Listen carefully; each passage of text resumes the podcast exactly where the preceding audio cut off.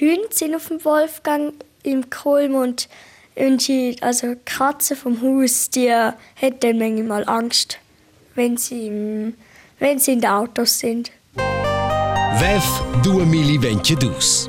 Davao Today. So è di va svelt, già escent il second ultim di del VEF. Il temps para de di pli spert mintiga cun sa tavau. Hai des a düna usce un viadi per un per dis in un tua dotter mond. Denton ia a un bodel tot alla fin.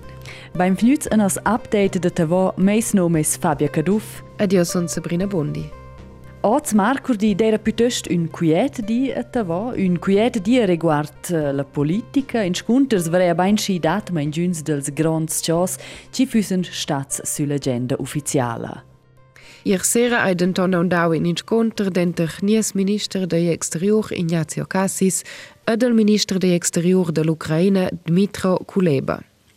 Els han discutau las finemires de la conferenza de l'Ucraina che vegna de veliuk al Fenedur a Lugano.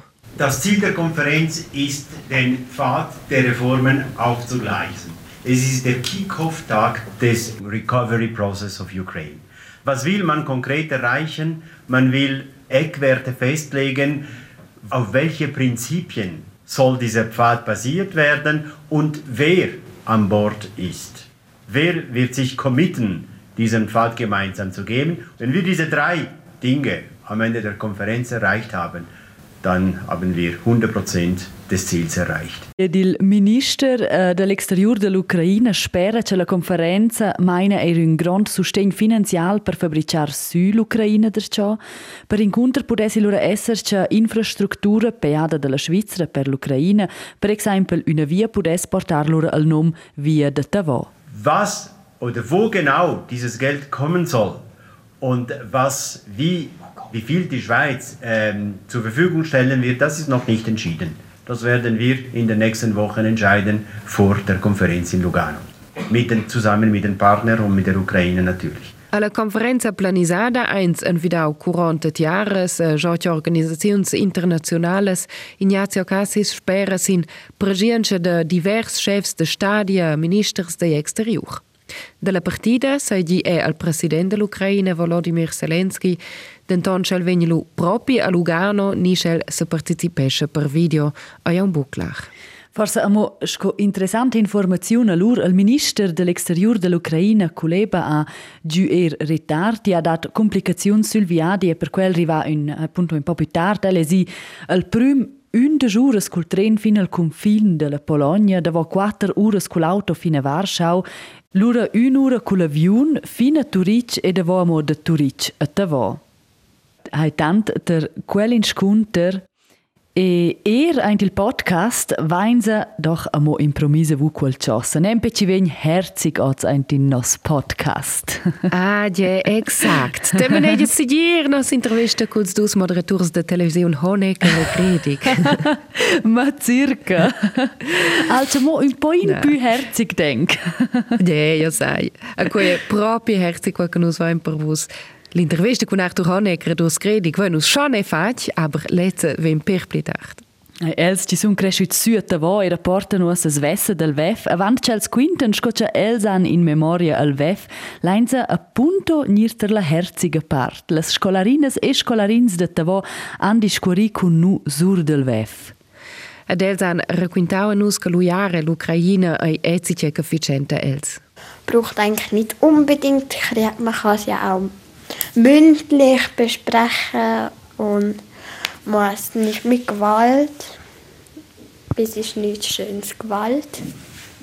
Usce una scolara della quarta classa ha in la casa da scola Bünde a Tavo eschen statas in gir col microfon e vainza voglio savoir cece scolaras e scolars spetten del VEF ed un e l'alter giavüsch es ni ensemble.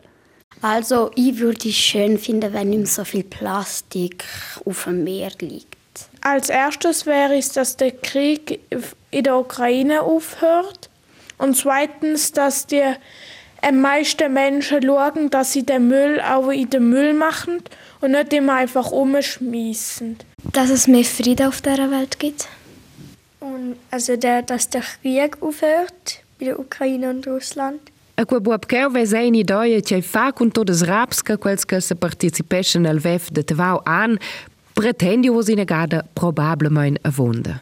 Ähm, man könnte mehr Geld in Erfindungen stecken, die die Welt verbessern. Wie es gibt so Pläne für riesige Plastik-Einfangschiffe, wo das Meer von Plastik räumen. Das wäre etwas, was man so vielleicht mal bauen sollte.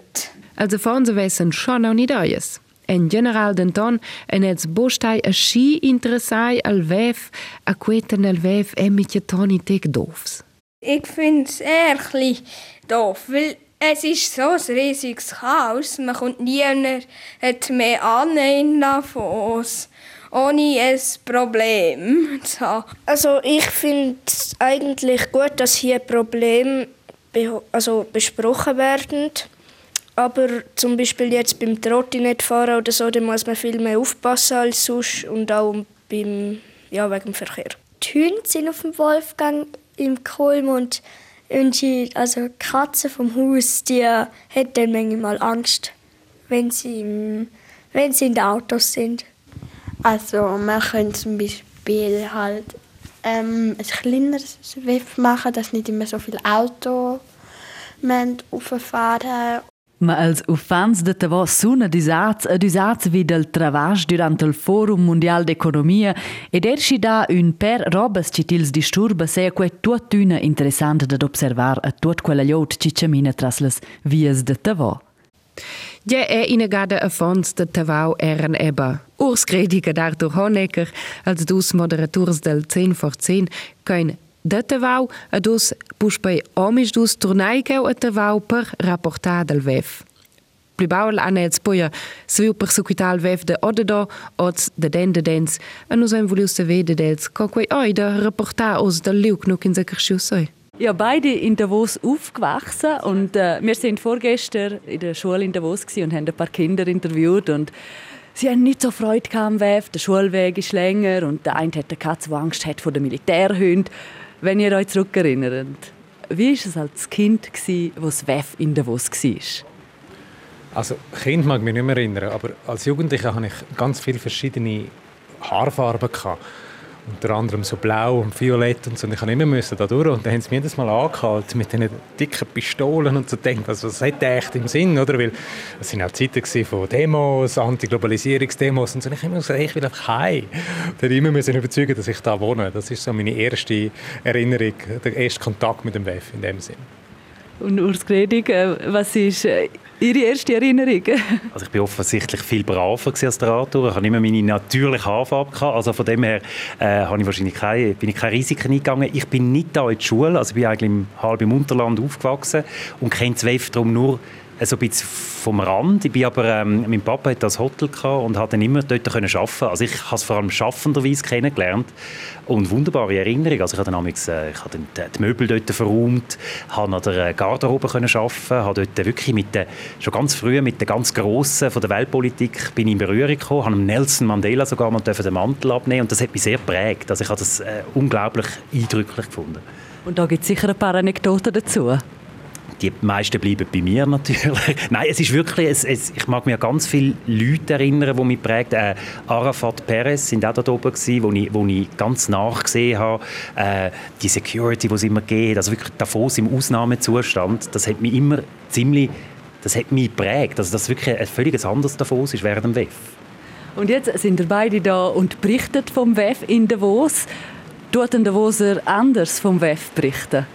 Ich weiß nicht, also wir haben natürlich schon so ein bisschen Auge dafür, wie sich das alles verändert, der ganze Ort. Also gestern bin ich die Promenade da abgelaufen und habe äh, einfach nur lauter internationale Logos gesehen und dann dachte ich, oh, das ist ja äh, eigentlich auch nicht so. Es wäre noch schön, wenn man vielleicht ein bisschen etwas äh, würde sehen, auch von den äh, lokalen Betrieben oder so.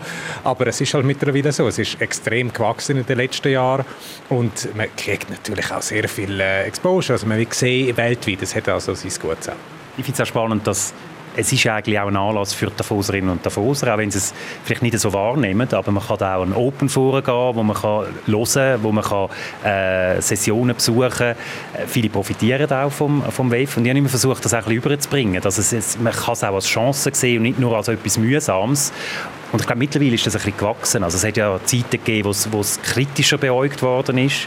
Aber wenn ich jetzt mit, mit Davoserinnen und Davoser rede, die sind zum Teil wirklich sehr, sehr positiv gestimmt und finden, ja, mal, es, es ist eben schon schön, wenn man weltweit in den Schlagzeilen ist. Auch. Und zwar positiv.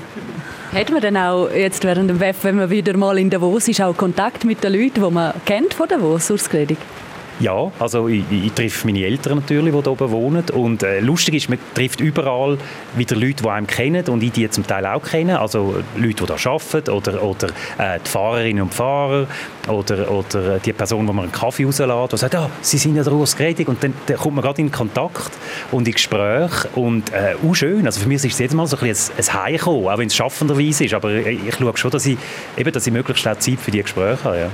Arthur Honecker, auch für Sie ein Heiko, wenn man da am WEF kommt, berichten auf jeden Fall, ja. Also es passiert mir auch, dass ich Leute auf der Straße treffe oder irgendwie beim Posten oder so, wo man sagt, ja nein, was machst du eigentlich? Äh, seit ewigen Zeiten nicht gesehen. Was mir halt auch auffällt, äh, jedes Mal, wenn ich wieder komme, weil es sind dann oft mal ein paar Jahre dazwischen, gibt es wieder etwas Neues, was gebaut worden ist. Dort ist wieder ein Neubau und alles. Also ein Haus, wo ich drin aufgewachsen bin, gibt es auch nicht mehr jetzt. Also äh, die Veränderung, die nimmt man natürlich viel intensiver wahr, wenn man sie nicht äh, konstant hat können begleiten Schon ja Arthur Honecker et Urs Gredig. Ja. Yeah. Hai, e ides uasa er temp ed ura da finir nos podcast. Grazie che vu vais tad la e nusses ves angust che füse der demander ciò della partita del ultim podcast de ta voda quiston. Tschüss. Tschüss.